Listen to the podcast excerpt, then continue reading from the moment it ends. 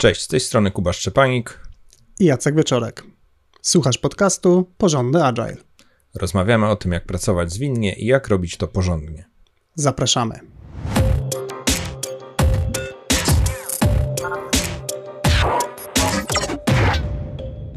W dzisiejszym odcinku porozmawiamy o pułapkach roli product ownera. Jest to kontynuacja odcinka poprzedniego, w którym mówiliśmy o tym, skąd brać product ownerów, natomiast dzisiaj skupimy się na najpopularniejszych pułapkach roli product ownera, no i oczywiście zaproponujemy konkretne, praktyczne rozwiązania, które możecie w kontekście tych pułapek spróbować. Na początek, żeby dać Ci wyobrażenie, o jakich tematach szczegółowo będziemy mówić, wymienię te pułapki. E, zdecydowaliśmy się na to, żeby opowiedzieć o przypadkach, e, gdy product owner nie jest decyzyjny, czyli nie ma uprawnień do decydowania, nie umie decydować, nie wie jak to robić, jest w odległości od klienta lub kompletnym braku kontaktu z tym klientem, nie ma czasu na współpracę z zespołem i nie zna Scrama. E, w kolejnych częściach e, tego podcastu opowiemy o tych konkretnych e, pułapkach i zaproponujemy rozwiązanie. No to zaczniemy od pierwszej. Jacek, co rozumiemy pod hasłem product owner nie jest decyzyjny i dlaczego jest to pułapka? Tak. Kiedy myślę o, o, roli product ownera, no to jedna z pierwszych rzeczy, która mi przychodzi do głowy, to jest mm, takie oczekiwanie, że product owner będzie w stanie decydować, jeśli chodzi o rozwój produktu. Mm, kiedy mówimy o braku tej decyzyjności, mamy tutaj na myśli coś takiego, że ten product owner nie dostał uprawnień, czy nie dostał mandatu od organizacji, żeby takie e, decyzje podejmować. Więc e, to jest taki wariant, że nawet gdyby chciał, no to tak naprawdę na koniec dnia nie jest w stanie tego zrobić. No jest to dosyć e, nieprzyjemna pułapka, niestety dosyć popularna ale gdybyśmy mieli ten, e, temu tematowi zaradzić, zarówno gdy jesteśmy z pozycji product ownera, którego dotyka ta sytuacja, albo gdy jesteśmy z e, perspektywy Scrum Mastera albo Agile Coacha, który próbuje zmienić proces w zespole, czy po prostu jesteśmy e, zainteresowani tym, żeby tą e, sytuację naprawić. Pierwsza rzecz, która nam przychodzi do głowy jako taka super najważniejsza, jeśli spotykamy taką sytuację, gdzie product owner jest niedecyzyjny, no to zaczęlibyśmy od e, uzgodnienia z zarządzającymi w organizacji, być może zarządzającymi tym product ownerem, jakieś osoby typu dyrektor produktu, może jakiś członek zarządu odpowiedzialny za rozwój produktów, czy po prostu osoba zarządzająca obszarem, w ramach którego funkcjonuje product owner w firmie, zgodzić się e, z tą osobą, jaka jest wizja roli product ownera i no, jaka jest granica tej odpowiedzialności tegoż właśnie product ownera. Czyli tutaj jest taki trochę dorozumiane, e, czy taki trop myślowy, że ten product owner, którego, o którym myślimy, nie jest decyzyjny, ponieważ e, mamy niezgodne wyobrażenia co do e, tej E, odpowiedzialności product ownerskiej po stronie naszej, gdzie my powiedzmy reprezentujemy być może jakąś taką czystą rolę skramową, a może ta osoba po stronie managementu ma wyobrażenie, że product owner to jest taki e, nowy rodzaj project managera albo nowy rodzaj analityka, może taka osoba na posyłki, e, pośrednik. Jest cała masa możliwych tutaj powiedzmy nazewnictw na to, że to nie jest product owner w naszym rozumieniu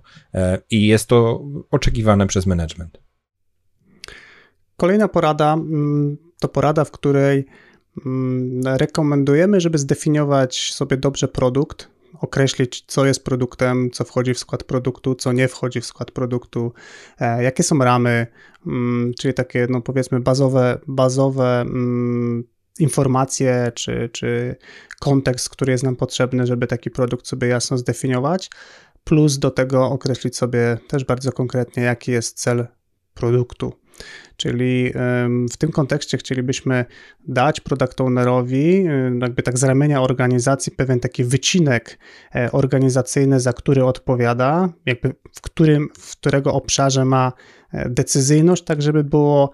jasne, e, jakie decyzje product owner może podejmować, a jakie decyzje bądź leżą już w odpowiedzialności innych product ownerów, albo być może w ogóle są poza decyzją product ownerów. Tak więc takie zdefiniowanie, bym powiedział, obszaru, na którym product owner tą decyzyjność, o której mówimy właśnie, że być może na ten moment jeszcze nie ma, żeby mógł uzyskać. I nieprzypadkowo Jacek mówi o e, obszarze produktu, definicji produktu, celu produktu, e, ponieważ coś, no, co spotykamy regularnie, to zrozumienie roli product ownera jako osoby, która realizuje projekt, zlecone inicjatywy, ma dookreślone cele do osiągnięcia, właśnie takie, bym powiedział, bardziej z portfela projektów niż e, z rozwoju czy e, opieki nad, e, nad pewnym obszarem produktowym. I tu ponownie, jak, jak w przypadku tej pierwszej porady z uzgodnieniem oczekiwań, no to jeśli ktoś, kto ma na to wpływ, prawdopodobnie jakiś management w firmie, e, rozumie rolę product jako kogoś, kto opiekuje się projektami albo ma za zadanie zrealizować te projekty zgodnie z jakimiś tam wytycznymi, na przykład żelaznym trójkątem projektowym, no to tutaj też możemy mieć kłopot i, i się nigdy nie spotkać i ten, e, de, ta decyzyjność product jest właśnie taka, jaka zdaniem tego zarządzającego powinna być, czyli ma dowieść projekt. E, nie zajmujemy się dowożeniem projektów z wykorzystaniem frameworka Scrum. E, następną poradą, którą e, też byśmy spróbowali w takiej sytuacji, gdy mamy do czynienia z niedecyzyjnym product ownerem, to zrewidować umocowanie decyzyjne z zarządzającymi. Rozumiem, tu ma na myśli taki przypadek, że nie następują te poprzednie problemy, czyli product owner jest osobą odpowiedzialną za jakiś produkt, jest w ogóle akceptowane jako, jako ważny fundament e, takiego funkcjonowania procesu skramowego, tylko po prostu e, ramy decyzyjności tej osoby są bardzo ograniczone, czyli na przykład e, nie ma swobody decydowania albo musi uzyskać zgodę, jakiś drugi podpis, są jakieś korekty regularnie realizowane. No i tutaj mm, często jest tak, że w organizacjach, zwłaszcza takich, które dopiero przechodzą pewną transformację, dopiero budują tą świadomość zwinnego rozwoju produktu, to to umocowanie e, product ownerskie jest takie, jakie było zawsze, czyli no zawsze trzeba było dostać zgodę, jakiś akcept, jakąś korektę. No i tutaj warto wyjść naprzeciw e, takiej ewolucyjnej ścieżce i przedyskutować z wyższym managementem, czy na pewno potrzebne są te e, osłabienia decyzyjności, jakie są konsekwencje tego, tej słabej decyzyjności i czy, czy czasami nie da się tego przenieść na, na nowy poziom. Jak mówię nowy poziom, to mam na myśli przede wszystkim takie jasne powiedzenie sobie, rozliczajmy product ownera za rezultaty, za osiągnięte efekty, a niekoniecznie za to, czy realizuje ten czy tamten feature zgodnie z wyobrażeniem jakiegoś na przykład dyrektora e, powyżej e, tego product ownera. I ostatnia porada, którą mamy dla Ciebie, to jest porada taka, no brzmi kontrowersyjnie, natomiast rozwinę ją. No to jest porada pod tytułem e, zmienić product ownera. No i oczywiście, co tutaj, co tutaj mamy na myśli? Może być taka sytuacja, no, że po prostu mm, pomimo spełniania tych powyższych e, wszystkich punktów, no, jakaś konkretna osoba może w tej roli się nie odnajdywać. Ja na to patrzę w ten sposób, że tak jak nie chcielibyśmy, żeby firmą, spółką, organizacją zarządzała osoba, która nie radzi sobie z tym stanowiskiem, no tak samo dosyć tak agresywnie podchodzę do, do roli product ownera, że no to też tam, tam jest odpowiedzialność, no nie za całą firmę, ale za, za pewien jej wycinek. No i po prostu spotkałem na swojej drodze osoby, które no akurat konkretnie w tej roli mm, no, no nie błyszczały. I powiedzmy sobie jakieś e, działania, wsparcie, jakieś ramy, jakieś zmiany po prostu nie przynosiły efektów, natomiast Fajnie było zobaczyć, jak odżywa zespół, kiedy dostaje do współpracy osobę, która faktycznie jest w stanie takim produktem e, zarządzać. I to też, żeby tak trochę może e, zmiękczyć tą taką dosyć wyraźną rekomendację, to nie musi oznaczać też rozstania się takiego mm, na zasadzie, że product owner opuszcza firmę. Być może po prostu ta rola nie jest odpowiednia, no i ta osoba może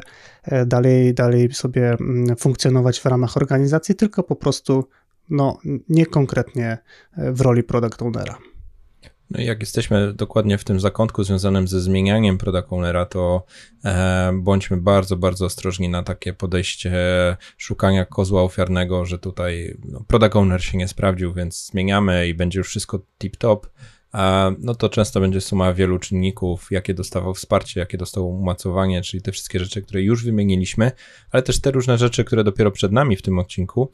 e, więc e, nawet jeśli jesteśmy pewni tej decyzji o zmianie product ownera, to i tak przejrzyjmy cały ten proces, przejrzyjmy struktury,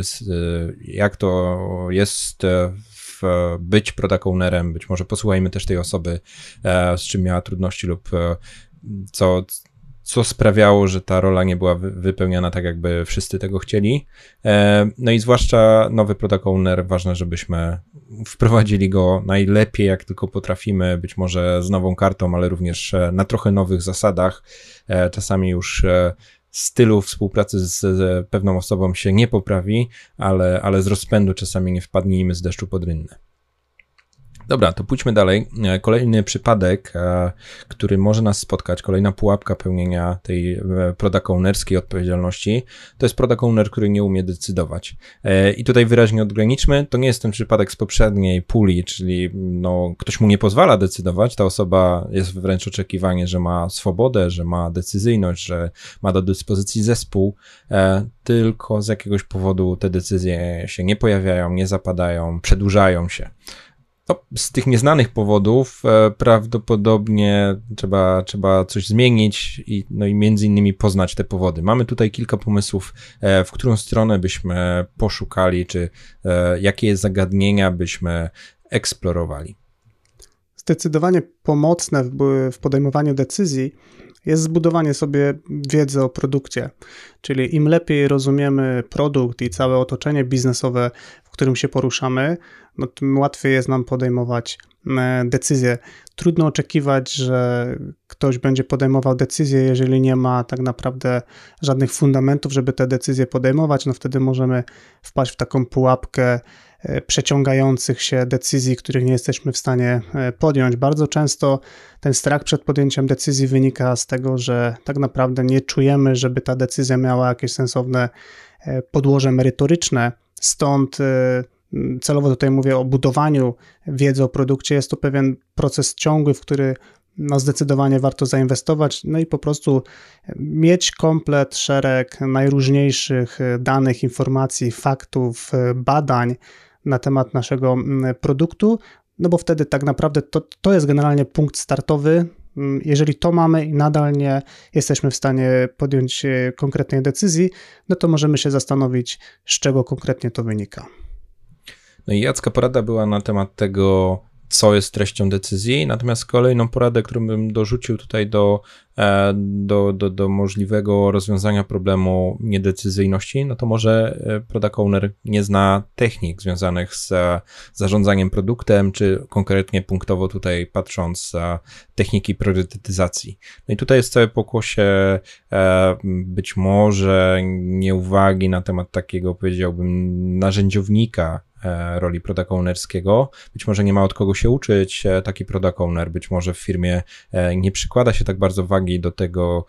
jak, jak wygląda proces pracy, jak wyglądają narzędzia. Tu z pomocą może przyjść Scrum Master, który może podpowiedzieć, pokazać, wytłumaczyć, opowiedzieć, przynieść te wszystkie narzędzia, które mogą być bardzo potrzebne i w zależności od tego, co dokładnie jest kontekstem produktu, ja nie będę tutaj bardzo szczegółowo tych możliwych e, przykładowych narzędzi wymieniał, e, ale pierwsza, która mi przychodzi do głowy zawsze jest wizja produktu, e, czy to poprzez zbudowanie Product Vision Board, czy poprzez odpowiedzi na pytania jakieś takie podstawowe, dlaczego w ogóle robimy ten produkt. To są bardzo proste rzeczy, bardzo proste techniki, które świetnie układają całą resztę dyskusji o produkcie, o wybieraniu, co jest ważne, na czym się skupiamy, dla kogo to robimy Mm, to w gruncie rzeczy nie są żadne kosmosy. Czasami być może w jakimś takim chaosie codzienności zapominamy o tych rzeczach. Tu świetnie może się przydać właśnie Scrum Master, czy ktoś z zespołu, kto product usystematyzuje pewien sposób myślenia, może poukłada pewne, pewne priorytety, czy, czy zwizualizuje pewne rzeczy i po prostu wesprze product w podejmowaniu pewnych e, decyzji, e, selekcjonowaniu pewnych rzeczy, czy, czy, czy pokazaniu scenariuszy alternatywnych, co powinniśmy robić w pierwszej kolejności, co może czekać, co nie powinno być robione w ogóle. Kolejną poradą jest zmniejszenie konsekwencji mm, podejmowania złych decyzji. E, I tutaj mamy na myśli, mm, żeby podzielić sobie trochę te wszystkie decyzje, które mamy. Oczywiście to jest mocno powiązane z tym, jak rozwijamy nasz produkt, e, na taki szereg małych decyzji. Idealnie, jeśli te decyzje jesteśmy w stanie cofnąć. Tak więc tutaj w szczególności takie rzeczy jak drobne eksperymenty, małe kroki, iteracyjne zmiany, czy też bazowanie na, na testach, bazowanie na hipotezach, na badaniach. No to są wszystko takie rzeczy, które E, z jednej strony pomagają nam zwiększyć pewność co do podejmowania mm, e, decyzji, czyli jakby zbieramy dowód z rynku, że nasze decyzje mają sens. E, z drugiej strony, jeżeli to są faktycznie małe decyzje, a nie zmiany, które dotyczą mm, całego produktu czy jakichś takich dużych obszarów produktowych, no to o wiele prościej jest nam się z takich zmian wycofać. Tak więc tak jak rekomendujemy co do zasady e, iteracyjne i przyrostowe rozwijanie produktu, no tak samo e, można powiedzieć, że takie prowadzenie produktu implikuje to, że jesteśmy w stanie w podobny sposób podchodzić do podejmowania decyzji. No i w tym punkcie mam takie e, obrazowe porównanie, że zwłaszcza jeśli ta decyzja paraliżuje, bo jest jakieś takie poczucie wielkich konsekwencji, nieodwracalnych skutków, brak możliwości cofnięcia się, no to, to, to czasem współczuję product ownerom, którzy nie dostają odpowiedniego wsparcia w takich e, momentach. Czasem to wsparcie jest w postaci umocowania, czasem to wsparcie może być właśnie w jakimś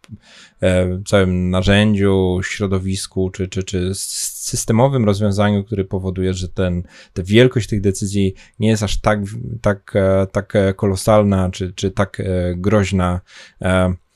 Co nawiązuje do ostatniej porady z tej puli, czyli e, bezpieczeństwie psychologicznym. Owner potrzebuje dostać takie bezpieczeństwo, e, po, po, posiadać poczucie wsparcia, posiadać poczucie, że ktoś za nim stoi i, i go wesprze w tym, e, jak działa w swojej roli gdzie nieodłączne jest, zwłaszcza jeśli mówimy tutaj o rozwiązaniach innowacyjnych, o rozwiązaniach takich e, rynkowych, e, nieodłączne jest to, że będziemy się od czasu do czasu mylić, że e, jednocześnie zawieść może nas i zespół, i technologia, i być może nasi konkurenci wpadną na coś jeszcze lepszego niż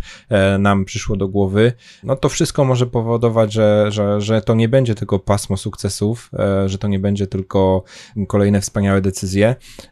No i tutaj fajnie, jeśli product owner dostaje sygnał od e, organizacji, od swoich zarządzających, od e, może partnerów biznesowych, e, że no, nieodłączną częścią naszego działania jest również podejmowanie pewnych ryzyk i no,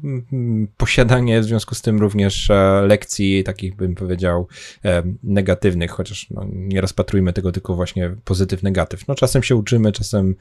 czasem nam coś wychodzi, czasem nam nie wychodzi. No i tu jest wielka rola liderów organizacji, wielka rola też takiej dojrzałości, panowania nad emocjami w tych momentach, gdy na przykład coś nie wychodzi, gdy coś się opóźnia, gdy właśnie e, nie odnosimy tych e, sukcesów, na które liczyliśmy, gdy, gdy, gdy, gdy jakaś inicjatywa była uruchamiana lub dalej kontynuowana. E, no bo pojedyncze, dosłownie pojedyncze negatywne przypadki mogą budować taką pewną famę i taką pewną e, brzydką sytuację, która będzie w przyszłości już traktowana jako taki punkt odniesienia. Nie podejmę tej decyzji, ponieważ e, poprzednio kolega, koleżanka dostali opieprz, to ja też nie chcę dostać opieprz. To może przeczekam, może przeciągnę, może znajdę kogoś, kto za mnie podejmie tą decyzję. E, no bardzo niebezpieczne i takie sączące się zjawisko, które spotykam niestety w niektórych organizacjach. Albo te decyzje będą takie bardzo, bardzo zachowawcze, co może e, kompletnie udusić e, wszelkiego rodzaju innowacje i eksperymenty. Trzecia pułapka, którą chcemy się z Tobą podzielić, dotyczy odległości product ownera od klienta. No, można by było być nieco zaskoczonym, że w ogóle taka sytuacja może mieć miejsce, no bo jak? E, skoro product owner no, odpowiada za produkt, no to oczywiście częstą częścią mm, odpowiadania, e, czy może kreowania produktu jest odpowiadanie na potrzeby klienta. Natomiast e, no, zarówno ja i też myślę, śmiało mogę powiedzieć za Kubę, Kuba również bardzo często spotykamy się z taką sytuacją, w której patrzymy na product ownera w akcji, no niby wszystko jest, jest jakaś wizja produktu, jakiś cel produktu, backlog produktu, są przyrosty, jest namacalny produkt, no można powiedzieć, że wszystko wygląda ok,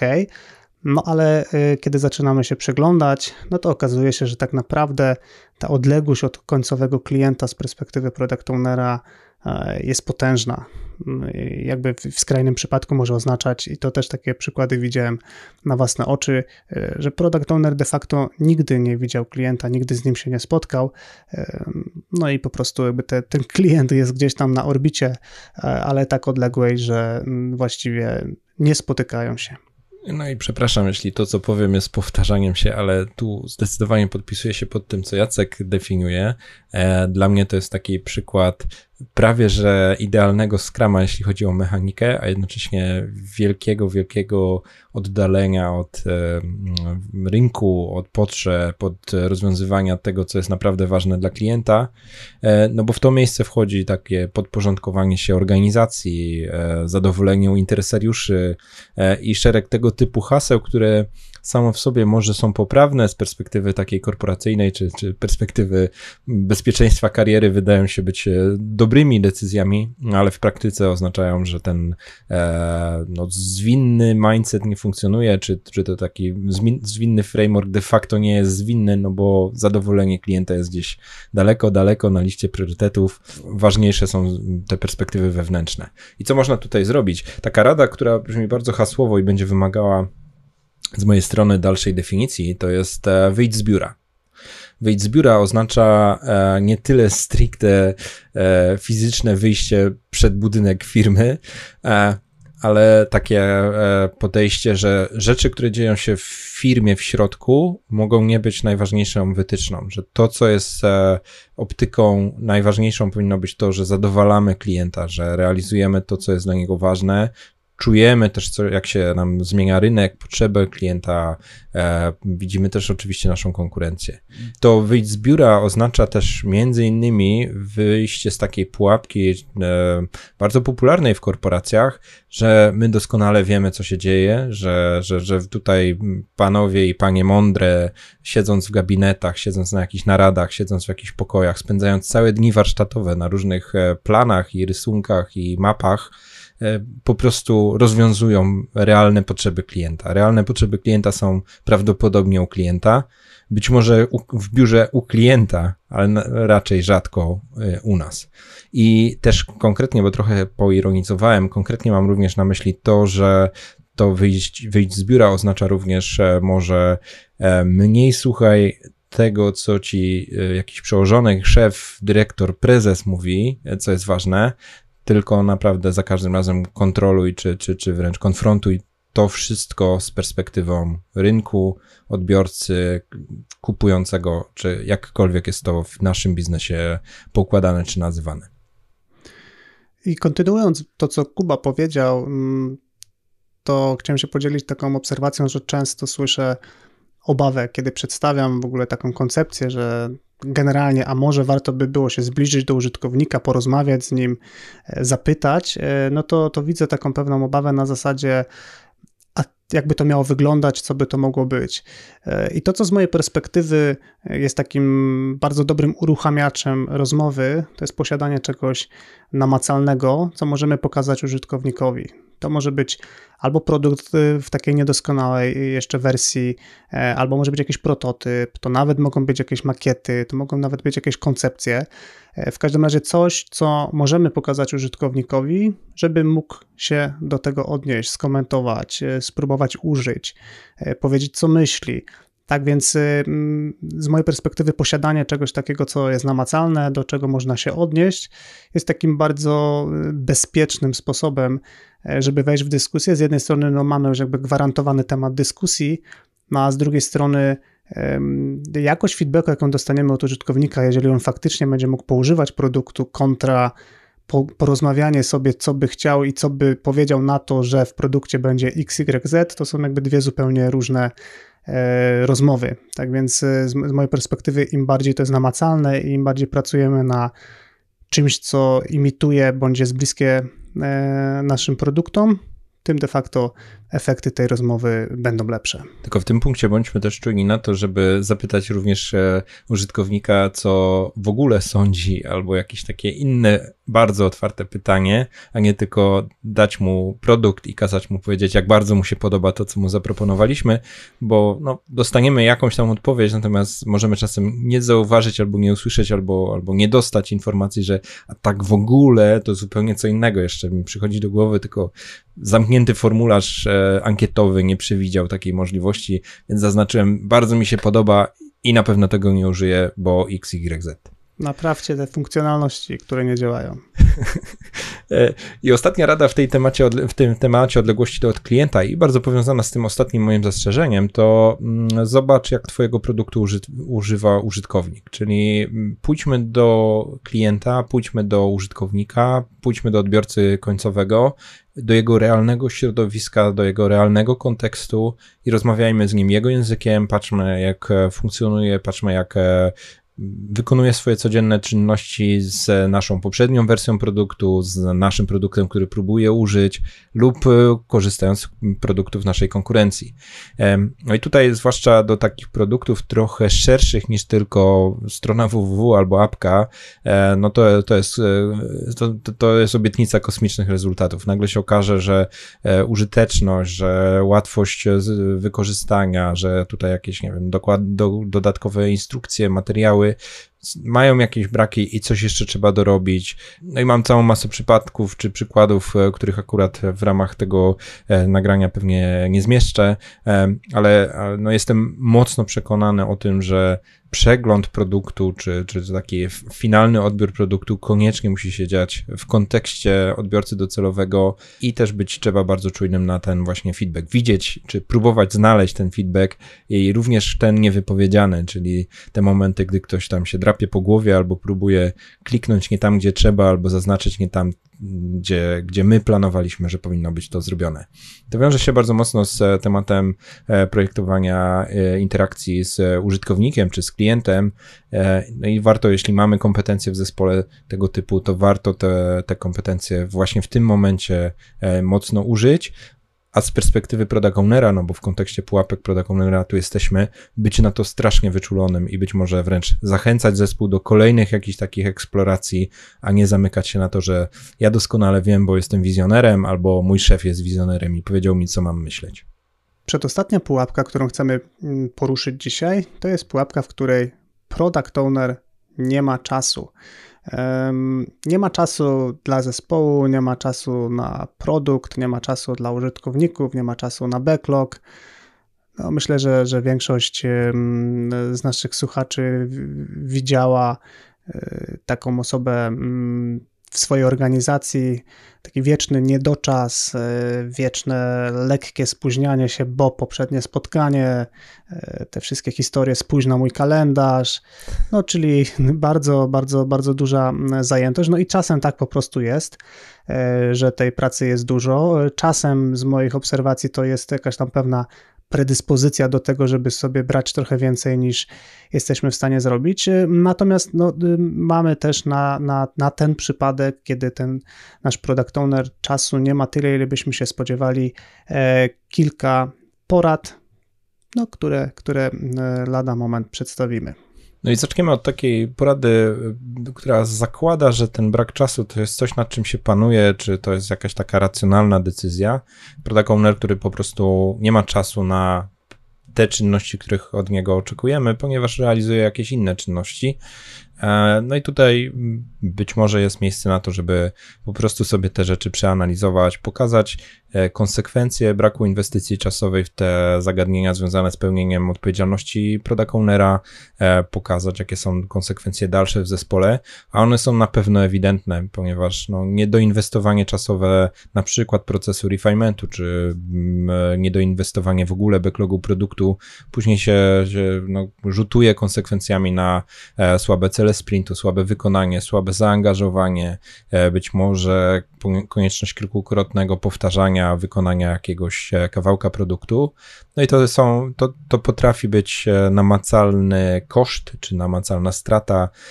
czy też no, spowolnienie pewnych prac. Więc tutaj Jeśli dzieje się to na poziomie racjonalnym, no to oczekiwałbym od zespołu skramowego e, refleksji wszyscy wspólnie na temat tego, czy tutaj odpowiednia proporcja czasowa jest przeznaczana na pewne rzeczy, ale też pokazanie pewnego ciągu przyczynowo-skutkowego, że być może dzisiejsze nasze niedomagania, również w tych odległych miejscach, jak właśnie e, poszczególne wykonania pracy przez deweloperów, czy, czy udane, nieudane sprinty, e, czy nawet właśnie jakieś takie miękkie rzeczy typu zaangażowanie, czy one nie mają w sobie mm, jednego ze składowych właśnie e, no, do inwestowania czasowego ze strony product ownera. Do mnie jakiś czas temu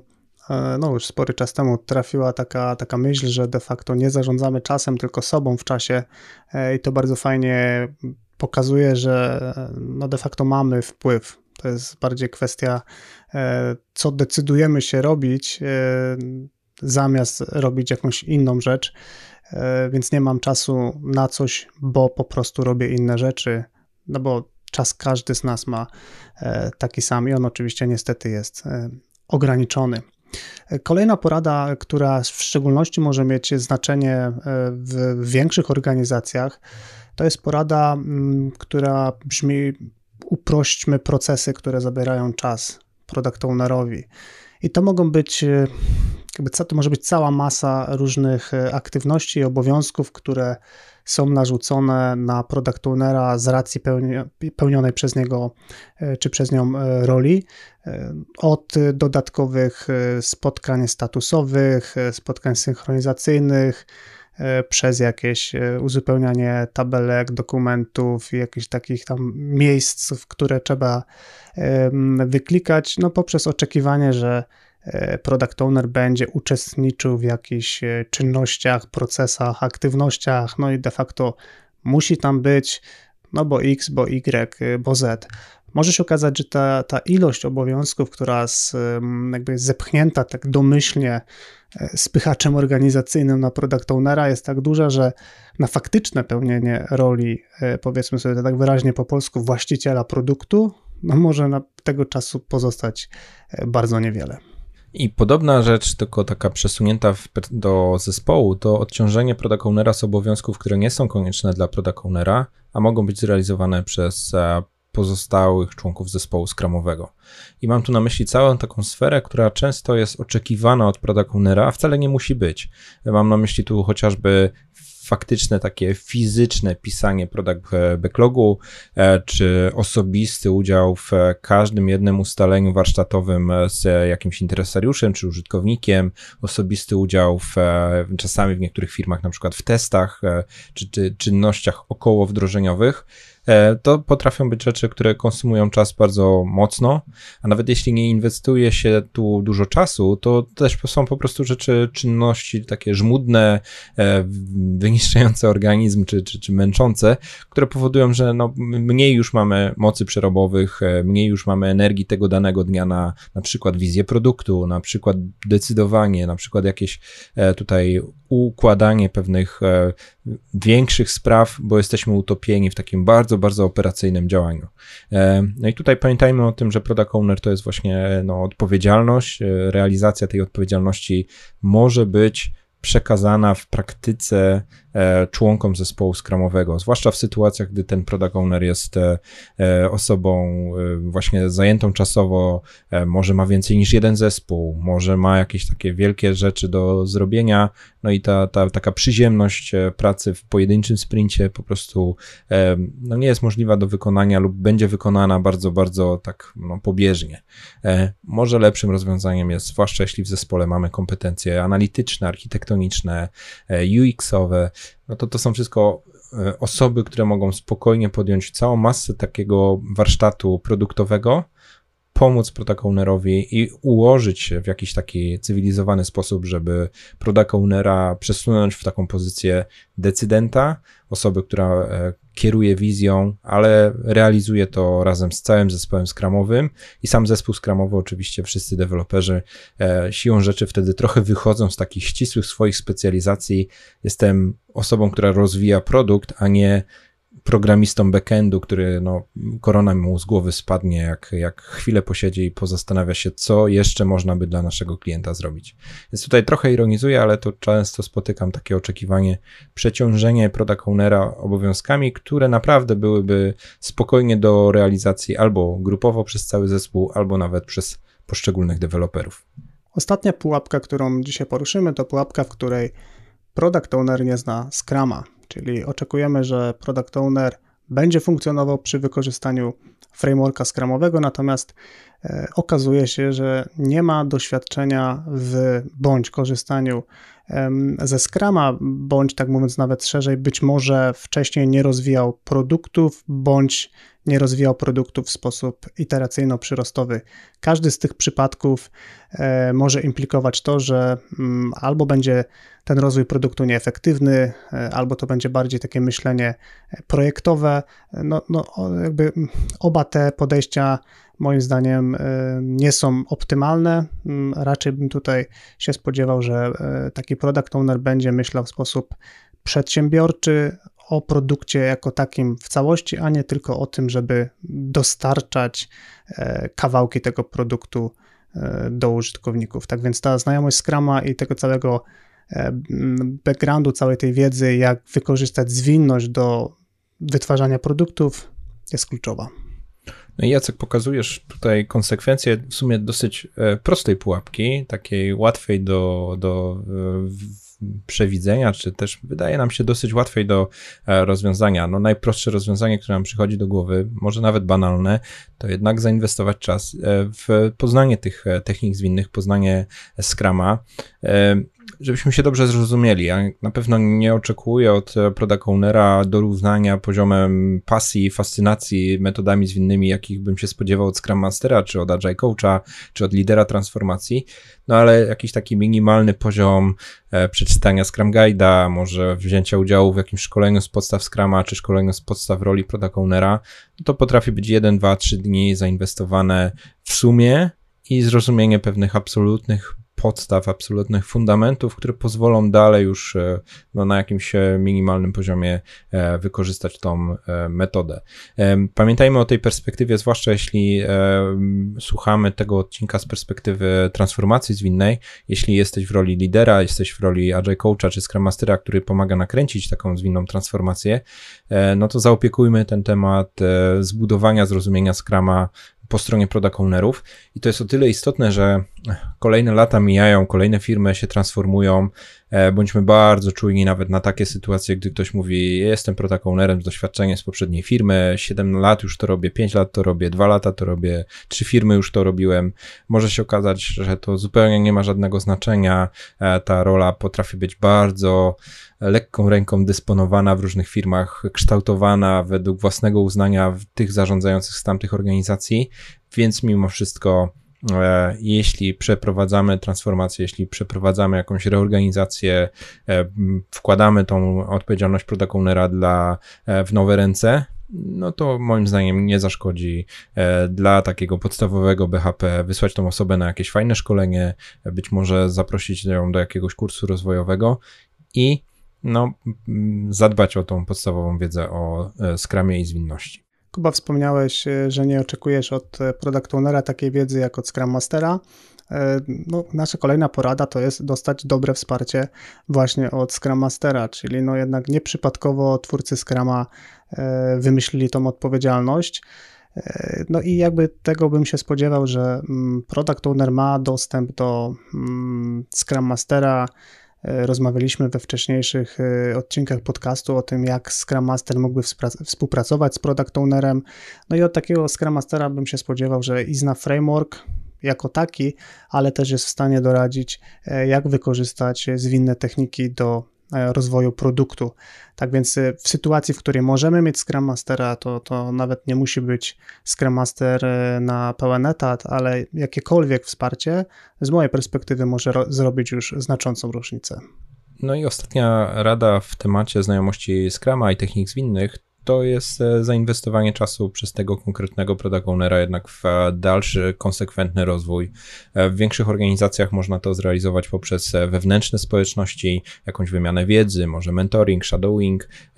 po prostu współpracę product ownerów pomiędzy sobą, nie tylko na tej warstwie produktu, jakichś takich integracji między produktami, ale też rozmowa o warsztacie, jak sobie radzę z interesariuszami, jak sobie radzę z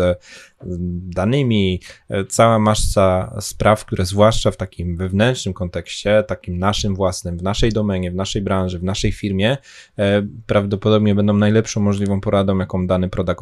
owner może uzyskać, e, czyli no, taka bardzo kontekstowo dopasowana porada, jak sobie z czymś radzę, co sprawdziłem, co mi się, co mi się sprawdza, e, albo co jeszcze chcę spróbować zrobić, zwłaszcza jeśli możemy tutaj robić jakieś takie procesowe eksperymenty. Ale nawet jeśli w naszej organizacji nie ma takich osób, albo to my czujemy, że jesteśmy najbardziej na topie w porównaniu do wszystkich pozostałych, no to warto e, rzucić okiem na społeczności zwinne. Obecnie w realiach pandemicznych większość tych społeczności jest e, realizowana w sposób zdalny, wiele webinarów jest nagrywanych. Jest tej wiedzy dużo, tylko trzeba być może ją odnaleźć, być może trzeba też po prostu zainwestować trochę czasu e, poza swoimi typowymi godzinami pracy. E, ale nawet jeśli to, nawet jeśli nie mamy czasu na webinary, na wielogodzinne spotkania, e, sami z Jackiem mamy kilka takich e, materiałów, które prostu krótkie parę minut przeczytania jakiegoś inspirującego artykułu już daje nam jakiś materiał do przemyśleń. No i myślę, że tutaj w, na stronie odcinka zawrzemy kilka takich linków do tych materiałów takich produktowych, które my sami mocno z własnej praktyki czy z, własnych przemyśleń mocno polecamy. Więc tutaj koniecznie zajrzyjcie na stronę odcinka, ponieważ e, będzie kilka rekomendowanych źródeł, z których my czerpiemy inspirację związaną z zwinnym zarządzaniem produktem. Wszystkie te linki, o których Kuba mówił, transkrypcje oraz zapis wideo znajdziesz na stronie porządny agile łamane na 56. I na koniec e, mam do Ciebie prośbę. E, chcę Cię zachęcić do tego, żeby zapisać się na nasz newsletter, ponieważ 22 e, lutego wyślemy do naszych subskrybentów listę z poradami, jak porządnie realizować Scrama. Ten odcinek domyka nam pewien taki rozłożony w długim czasie cykl rozmowy o tym, jak robić Scrama porządnie. Zbierzemy materiał, skompilujemy pewne porady i wyślemy tylko do osób zapisanych na naszą listę mailingową. Zapisać się możesz pod adresem porządnyagile.pl łamane na lista, natomiast jeśli słuchasz tego odcinka po 22 lutego 2021, to każdy kolejny zapisujący się dostanie automatycznie tą wiadomość, e, również jako taki nasz sposób na kontakt właśnie z Tobą. I to by było wszystko na dzisiaj. Dzięki Kuba. Dzięki Jacek. I do usłyszenia wkrótce.